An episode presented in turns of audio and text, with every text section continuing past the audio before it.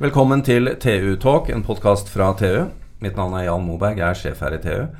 Vi arrangerer finansnæringens digitaliseringskonferanse 1.6 sammen med Finans Norge. Og Det er et langt og tungt ord, men det er veldig veldig spennende det innholdet. Og for å varme opp litt, så har vi fått inn et par gjester her i studio som jo kan mye mer om dette enn oss.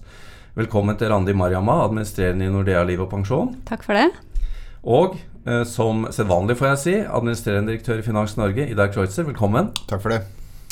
Idar, vi har sittet her før og snakket om dette. Kan du starte med å fortelle litt om hva status er på digitalisering i finans nå? Vi har jo mange ting som svirrer rundt her med både personifisering og folk er redde for dataene sine og roboter og alt mulig. Hvor, hvor står vi nå?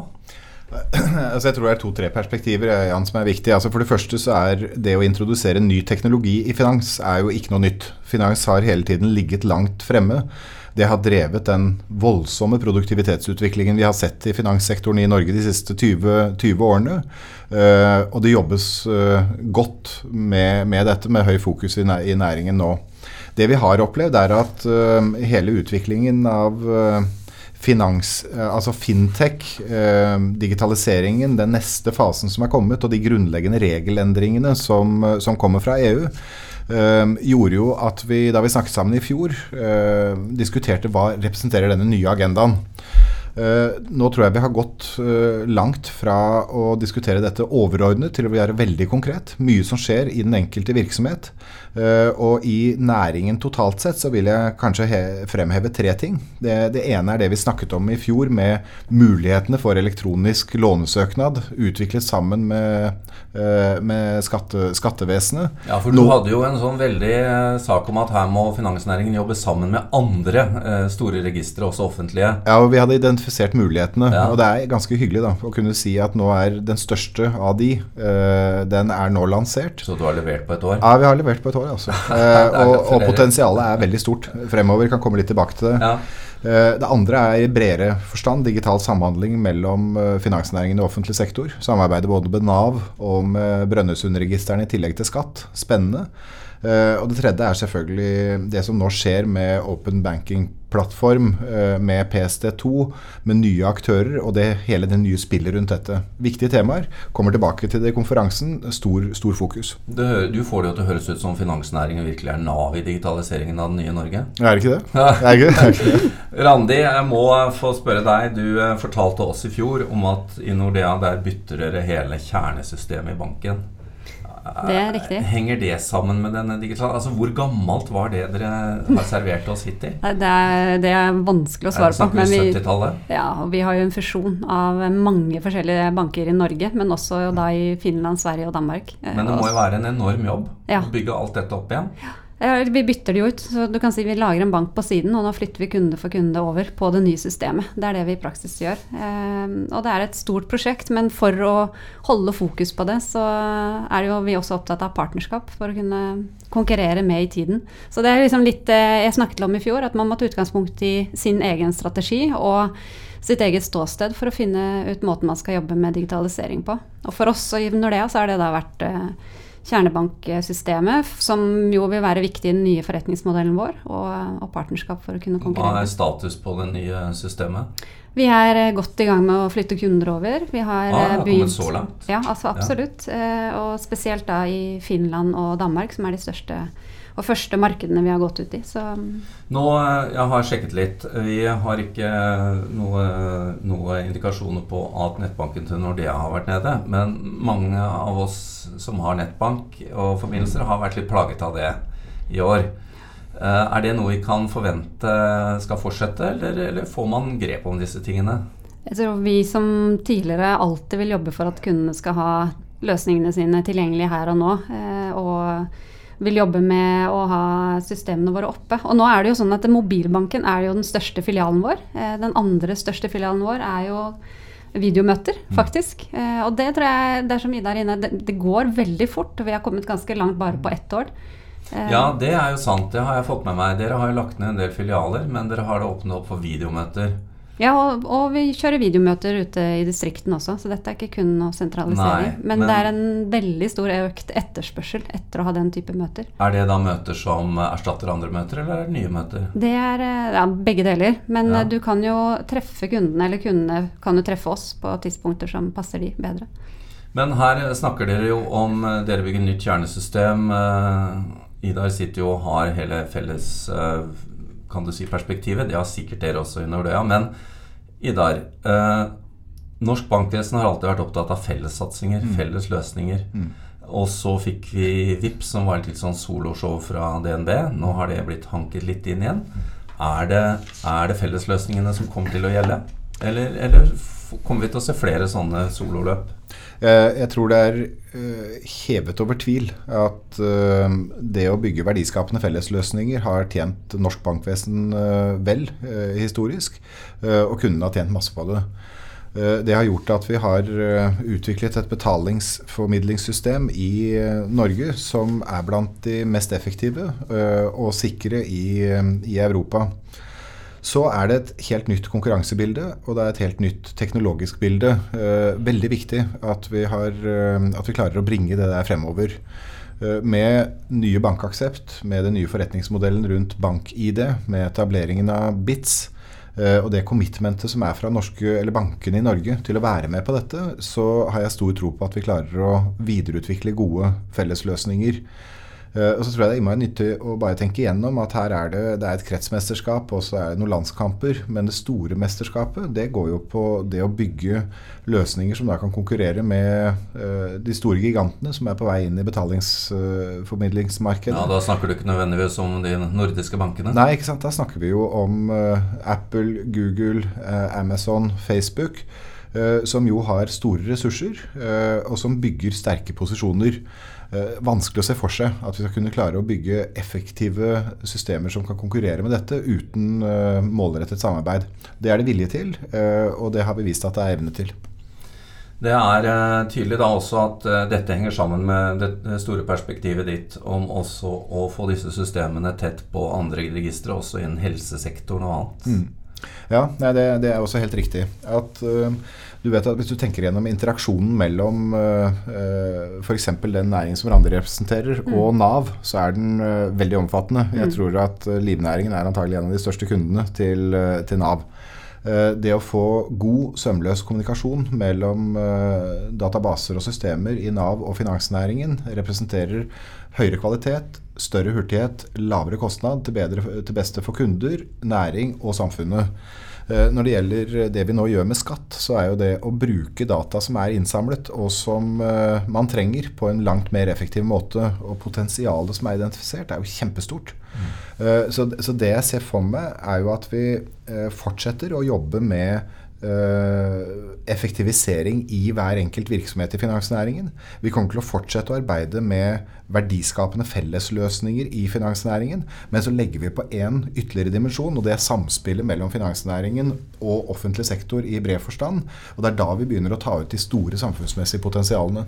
Offentlig sektor trenger vel litt eh, push, ja. Og, Nei, og det, si, og det er fordi kundene forventer det nå. Så tilbake til eh, hvis du har en livsforsikring og du blir ufør eller du blir alvorlig syk, så forventer du at man har tilgang til eh, informasjonen din, og at man lettere kan hjelpe deg. Så det er liksom en forventning der om at det er en dialog allerede. Det er et kjempegodt poeng at uh, i tidligere så var kundene vant til å måtte uh, sette i gang ting selv, mens nå så forventes det at ting blir løst for deg. Og i den sammenheng eh, så eh, nevnte jo du litt her før vi, før vi begynte å, å snakke sammen på sending, at dette med roboter er et spennende spor. Mm. Hvor står vi i dag på det? Jeg syns igjen at man har kommet langt. Jeg synes En ting som har beveget seg også siden vi var her i fjor, det er partnerskap med, med fintech-miljøene, eller startup-miljøene. Før eh, i fjor, eller kanskje tidlig i fjor, så sto vi litt og snakket om vi og de, eh, mens det gjør vi jo ikke lenger i det hele tatt. Så en av de vi har eh, et samarbeid med, er jo Boost, et, eh, et eh, Stavanger-basert eh, artificial intelligence-selskap som leverer da chatbots. Så nå er jo, Jeg opplever at de aller fleste gjør RPA-roboter, regelstyrte roboter, men også kommer med disse kunstig intelligens-robotene, som da kan gjøre det mulig for oss å levere på forventningen til kunde om å svare døgnet rundt på enkle spørsmål. Og er, er blir det fellesløsninger her også eh, i dag? Uh, ja da, absolutt. Altså, men, men, men, men, det jeg syns er kjempeinteressant, det er at uh, hvis du går to-tre år tilbake, uh, så var det nok mange som så på startupene og, og fintech primært som en trussel. Ja, av, av, av, I bransjen. I bransjen, ja. Og det ble jo fremstilt sånn at her kommer det en sverm av noen som har til formål å rive i filler verdikjedene og legge seg mellom uh, kunden og uh, finansleverandørene og trykke finansleverandørene ned i verdikjeden uh, og skvise, skvise marginer. hvis du snakker med folk i dag, enten det er i Norge eller det er i internasjonalt, så ser du at det er en helt annen pragmatisk holdning til å inngå partnerskap, inngå samarbeid, ulike former for partnerskap. Men hvor man ser at uh, disse nye miljøene kan bidra til at uh, eksisterende aktører kan levere bedre og raskere. Samtidig så uh, vil de nye miljøene ha problemer med å nå tilstrekkelig skala uten, i et, uten nært, samarbeid, ja. et nært mm. samarbeid med eksisterende aktører. Så nå er det det jeg vil kalle en sånn pragmatisk, symbiotisk strategi som, som utvikles i næringen. Og det klart vi bruker det nær, når det gjelder næringen totalt også. Men i et så stort uh, konsern som Nordea, uh, er man i stand til å lage egne fintech-satsinger i, i egen organisasjon? Vi gjør begge deler. Ja. Eh, både, men vi tenker jo på? Ja, du har banker nå, men i framtiden så trenger du ikke banker. Men du trenger fortsatt finansielle tjenester. Så vår forretningsmodell går ut på at vi har en rekke kunder, og vi har en rekke partnere, og vi kan være nettverket som binder dette sammen. Så begge deler er jo viktig for oss. Å investere i partnerskap, men også å investere i egen uh, innovasjon. Og, så for oss er det jo én ting er hva vi investerer i plattformen uh, og partnerskapet, men det vi jobber kanskje mer med nå enn noensinne, er jo den kulturelle transformasjonen selskapet må igjennom. Eh, fordi vi må ha med oss verdisettet, vi må ha med oss eh, ny type lederstruktur eller lederskap i seg selv. Det, og der igjen ligger det da, sant, hvordan du jobber med agilt arbeidssett, hvordan du jobber med innovasjon. Så dette er både innenfra og utenfra. Ja, ikke minst da kundenes forventninger til at ting fungerer på en helt uh, mer ja. sømløs måte enn før. Ja. Uh, Idar, en ting jeg må spørre deg om før vi forlater uh, dette fintech-sporet. norsk startup-bransje, fintech, hvor ligger vi igjen internasjonalt? Eh, jeg vil si at deler av det ligger langt, langt fremme. Eh, men vi har et mindre miljø enn det du finner i en del, eh, ja, en del andre jo, jo, ikke sant? Ja. enn det du finner i en del andre land. Har ingen grunn til å stå med luen i hånden. Og vi ser også at vi har investormiljøer som har bygget kompetanse over, over tid. Eh, det er bra for fintech-miljøet og startup-miljøet, men det er også bra for norsk finansnæring. Eh, og vi samarbeider godt eh, gjennom f.eks. IKT Norge. Vi samarbeider godt med flere av disse, disse, miljøene og tror at det kan være en spennende utvikling fremover. Men hvis, hvis det sitter gryende investorer og gründere klare nå og har lyst til å gå inn, hvor, hvor er det det kommer til å skje innenfor startup fintech de neste par årene? Er det noen gode tips fra dere? Jeg tror fortsatt på at det kan gjøres mye innenfor compliance. Det er eh, en jobb som eh, banken egentlig har fått eh, på seg, og som vi kommer til å jobbe masse med. Jeg tror mye på data, hvordan du skal mm, tilnærme deg datasikkerhet med nye GDPR. Og så tror jeg på robotteknologi. Og så tror jeg antageligvis det kommer mer på helse. Eh, fordi det vil være investeringsvilje og ønske om å ja, innenfor bioteknologi osv. Eh, men det har jo også kommet ganske langt. så det er områdene mine. Nei, jeg, jeg, tror det er veldig, en veldig riktig analyse. Uh, I tillegg så er det jo sånn at hvis du ser på strukturen i det, så, så startet jo mye uh, av fokus på betalingsformidling i retail-markedet. Og så ser du det beveger seg gjennom retail-markedet i i retning, rådgivning, med de mulighetene og de dilemmaene det uh, reiser. I tillegg så, så, skal vi jo være åpenbart forberedt på at det også beveger seg inn i bedriftsmarkedet fra små og mellomstore bedrifter. Men eh, særlig datasiden, analysesiden, eh, vil også kunne spille en økende rolle eh, på bedriftsmarkedet. Så du ser en gradvis migrasjon til økt relevans i hele produktspekteret. Ja, og det er klart også innenfor forsikring og sånn så får man jo helt andre måter å måle kundenes atferd på. Mm. Altså Du kan jo justere risikofaktoren, og det er, det er veldig mye spennende. Jeg ser jo det når ja, det det. Men, du kommer ut i disse Men, grensene. Ja, det er klart det er det. Og ikke sant, altså du har den der Innenfor forsikring så har du jo sånn live-type mm. uh, strukturen du er på vei inn i hvor det nesten ikke nå er grenser for og hvilken uh, informasjonstilgang du kan bruke og analysere, og du kan lage gode uh, prediksjoner. Men det vi må tenke igjennom, det er jo når er det vi når grensen for uh, det når det slutter å være forsikring, og når det bare begynner å bli en finansieringsordning. Snart så kan du bare stille en kassekreditt til disposisjon, hvor du da kan trekke på når du blir syk, fordi forsikringselementet blir borte etter hvert, hvor risikoanalysen blir for detaljert. Og det er ting vi diskuterer i næringen. I tillegg, så, Unnskyld hvis jeg bare kan få lov til mm. en, en ting til. fordi Randi nevnte dette med personsikkerhet. Altså Når det gjelder PST2, så tror jeg det er veldig viktig å, å slå fast at vi er for konkurranse. Altså Vi er for åpenhet, uh, og vi er for stor dynamikk i dette markedet. Det vi ikke er for, uh, det er at vi er ubevisste på hvordan kundenes data blir behandlet, og at vi er ubevisste på hvilken risiko vi utsetter kundene for. Og Derfor går man jo fra en diskusjon om er du liksom for eller mot PST2, til en mye spissere og viktigere diskusjon om hvilke data skal deles, hvordan skal de deles, hvordan skal de lagres, hvem skal håndtere hva. Og Det er den diskusjonen vi nå er midt, midt oppi, og den er veldig viktig. Mm. Så fra å leve litt sånn eh, der ute og være litt villig til å ta risiko, så har man trukket seg kanskje litt mer tilbake? Ja. Nei, men jeg tror privatpersonen har trukket seg litt mer tilbake. Man ønsker, ja, å, ha ans man ønsker å ha ansvar ansvar for egen eh, data. Man blir mm. mer og mer bevisst på hva den dataen man leverer fra seg, har av verdi. Uh, og hvor den uh, legges fra seg, hvor den lagres, hvem som bruker den. Det, det tror jeg er en bølge som kommer, og, som er helt riktig. Og så tror jeg litt det der nå at alt blir så tilgjengelig. Så tror jeg til syvende og sist så ønsker kunden å gjøre kloke valg ta kloke beslutninger. Så det å lage verktøy som gjør det enkelt for kunden å navigere i en mylder av opsjoner og, og muligheter, det og blir fra mobilen. Ja, ja, veldig viktig. Et sånt bilde på det, vet du, det er, altså vi, vi, har jo tilgjengelig en datakraft etter hvert som er voldsom. Hvis du tar et annet bilde, bare tenk deg Jan, at du kommer fra et bilfritt samfunn, mer eller mindre bilfritt samfunn. Og så kommer du til New York og får en Lamborghini og skal begynne å bevege deg rundt i, i New York-trafikken. Litt sånn har vi vært i den digitale mm. trafikken. Vi har plutselig fått tilgjengelig enorme krefter og enorme muligheter. Eh, men vi trenger også Trenger en litt annen bane? Ja, vi, ja, vi trenger altså, det, Og den der bevisstgjøringen som Randi sier, har nå begynt å komme for mm. fullt. Mm. Og det tror jeg kan være en fordel for finansnæringen. Vi har altså tiårs erfaring med å håndtere sensitive data. Eh, og kundene kommer til å bli mer bevisst på det, og det skal vi gjøre til et konkurransefortrinn. Ja, det er jo interessant at uh, selskaper som, uh, som, vi følger uh, tett, både Facebook, Google og, og andre, jo, de går jo runder med disse persondataene, og de serverer oss ting, og så må det komme reaksjoner. Det er jo en det er jo en litt sånn oppdragende effekt som er i gang nå. Mm. Men når man sitter i et konsern som Nordea, hvor, hvor engstelig er man for disse aktørene? Facebook, Google, Apple?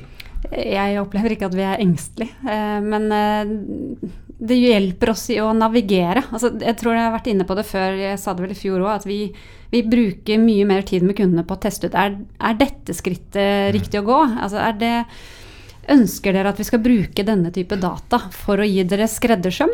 Eh, eller opplever dere at vi går for nærme inn på, på personsiden? Og, og mens Google og Apple gjør oss eh, bedre til å gjøre den type vurderinger. Så vi opplever det ikke som en trussel. Er det andre medlemmer i Finans Norge som syns dette er skummelt? Eh, i dag? Nei, altså jeg, jeg, jeg tror det virker skjerpende. Altså, ja. Vi er klar over at vi har ekstremt ressurssterke aktører der ute som er tungt på vei inn i denne næringen. Og, det gjør at man står tidlig opp om morgenen og, og jobber ordentlig. Uh, Eh, et tilleggsperspektiv som jeg har lyst til å bare nevne, som vi må nesten innom, og det er hele eh, datakriminalitet, sikkerhetsdimensjonen.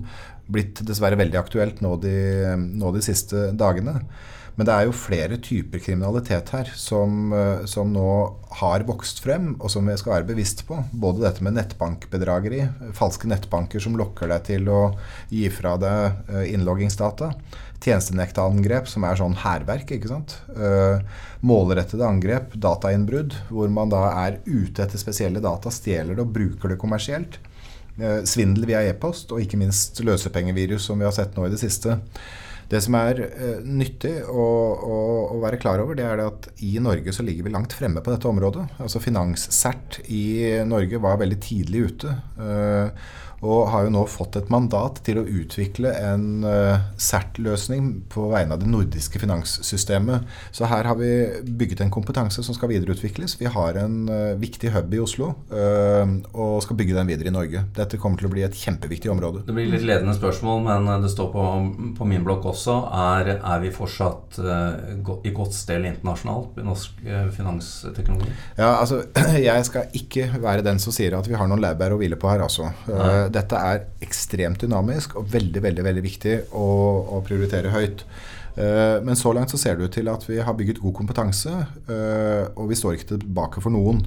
Men det som er viktig å huske på, er at the bad guys de har tilgang på samme kompetanse, samme systemer, uh, masse ressurser som oss. Så dypest sett så tror jo nok jeg den, der, den eneste muligheten vi har over tid til um, virkelig å ligge fortsette å ligge, ja. ligge, ligge, i front, det er gjennom å være mye bedre på samarbeidet. Og Derfor er samarbeidsløsningene i næringen mellom næringen og andre aktører i utlandet, mellom offentlig og privat sektor, er kjempeviktig. Mm. Men dette har vi kommet et godt stykke på og har stor fokus på. Du nikker, Randé? Ja, jeg er veldig enig. Og jeg tror kanskje vi kommer til å se litt skritt eh, når PST2 trer i kraft. Altså når man kobler finansiell informasjon med personlig informasjon, og den kan deles av flere. Mm. Da tror jeg vi kommer til å kjenne mer av dette på kroppen. Men vi har snakket uh, ganske lenge om finansteknologi, men vi har fortsatt ikke nevnt ordene bitcoin og blockchain. Det jo, har jo blitt litt sånne slogans for, for fintech. Mm. Uh, og det er jo to av bare mange begreper, går jeg ut fra. Men uh, hva, hva, er taken på det? Hva er liksom status på den, de teknologiene nå? Hos oss er det fortsatt store områder innenfor blokkjede vi jobber med. Men det er jo litt umodent. Altså, det er mange parter som må med i en sånn type Men det har jo virkelig konsorter. satt fokus en annen vei. Altså, man kan jo oppnå ting her som man ikke kunne før, på mye enklere vis. Ja, og mye for sikkerhet. Så ja. igjen, uh, hvis man skal snakke om sikkerhet, så er det jo blokkjede en fantastisk teknologi. Men må ha, der må du ha flere parter inne. Så det er derfor den teknologien tar litt tid å utvikle. Har du investert noe i bitcoin i dag? Nei, det har jeg ikke gjort. Eh, det skulle vi ha gjort. Ja, det skulle vi gjort. Ja, nei, men nei, det har jeg ikke gjort, altså. Eh, når det gjelder blokkjede, så var jo det et av de områdene som ble fremstilt som en sånn massiv trussel som skulle overta for, for, banker. Når jeg snakker med banker nasjonalt og internasjonalt, så ser de på blokkjede som én muliggjørende teknologi. Det har blitt en mulighet, ja. Ja, en muliggjørende teknologi ja, ja. som man skal bruke aktivt. Og det legges masse ressurser i å gjøre det på en skikkelig måte. Når det gjelder eh, bitcoin, så kan vi snakke mye om, eh, mye om digitale valutaer og, og potensialet der. Eh, men bitcoin som system er jo ikke nødvendigvis det som er det mest grensesprengende. Men den underliggende teknologien er viktig og kommer til å være viktig fremover. La oss avslutte med, med hva, om, om, dere har noen spådommer om hva kundene kan vente seg. Hvis man er bankkunde, så har man jo gjerne både lønnskonto og lån og kanskje pensjonsordning og sånne ting. Men med nye teknologier i digitalisering, hvor, hvor, er det vi som enten er forretningskunde eller privatkunde kan forvente eh, produktutvikling? Eh, både produkt- og tjenesteutvikling i samarbeid med andre. Så jeg tror man, man kommer til å forvente mm, å få mer tilgjengelighet og, og det som jeg var litt inne på i stad. Altså bedre rådgivning med tilgjengelig data. Ja, litt dette samarbeidet som Idar snakker om, å ja. knytte de forskjellige både helse og Nav og alt sammen. Men så tror jeg man også kommer til å se at For det er jo noe av det som kanskje bekymrer meg mest, da. Det er jo pensjon. Og både på bedrift, men også privatmarkedet. At pensjon legges jo mer og mer opp på deg som individ. Og så er det ja. veldig lite engasjement engasjement rundt det. Ja, Folk kan også, ikke noe om det. De er vant til at dette er det arbeidsgiver som fikser. Ja, men også skal alt digitaliseres fordi vi er så opptatt av effektivitet. Og vi ønsker at ting skal gå kjapt og, og gæli. Men det er jo noen ganger du trenger å stoppe opp. Og det å liksom finne de løsningene eller de stedene hvor vi engasjerer kundene, det tror jeg vi antageligvis kommer til å se mer i partnerskap med andre leverandører, andre bransjer, som vi ikke har gjort til nå. Eh, for vi må, få et, altså vi må få kundene fortsatt til å stoppe opp og ta noen viktige valg. Mm. Eh, alt kan ikke bare gå på 1, 2, 3 med en digital løsning, du, for det er mer av ansvaret som legges opp. Ja, rådgiversiden blir viktigere, da? Ja, rådgiversiden blir viktigere. Ja. Så, Ida, du skal få siste ordet her i dag. Mm. Eh, noen fremtids visjoner fra deg? Nei, jeg tror, eh, jeg tror som Randi at uh, deler av det vi kommer til å se fremover, det, det går på rådgivning og, og kundedialogsiden. Hvor, hvor, hvor, alt blir enklere og mer tilgjengelig. Mm. Uh, langs alle dimensjoner.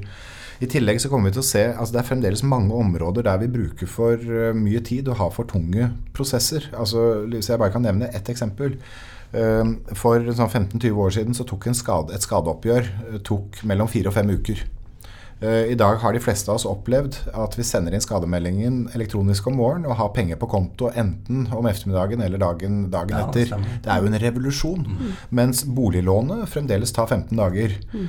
Ikke sant? Og det produseres masse dokumenter. Og det er, 300, nei, det er 465 000 boliglån som innvilges i Norge i året. Tenk deg det potensialet når vi nå lanserer løsninger for å få den behandlingen ned til én til to dager. Eh, så det er på mange områder så er det fremdeles et stort potensial for å øke produktivitet, effektivitet og med det kundenytte. Det kommer vi til å se mye av fremover. Bra. Da får jeg bare si takk til Randi Mariamma, administrerende i Nordea Liv og Pensjon, og Ida Kreutzer, administrerende i Finans Norge. Og ønsker velkommen til finansnæringens digitaliseringskonferanse 1.6 eh, her i Oslo.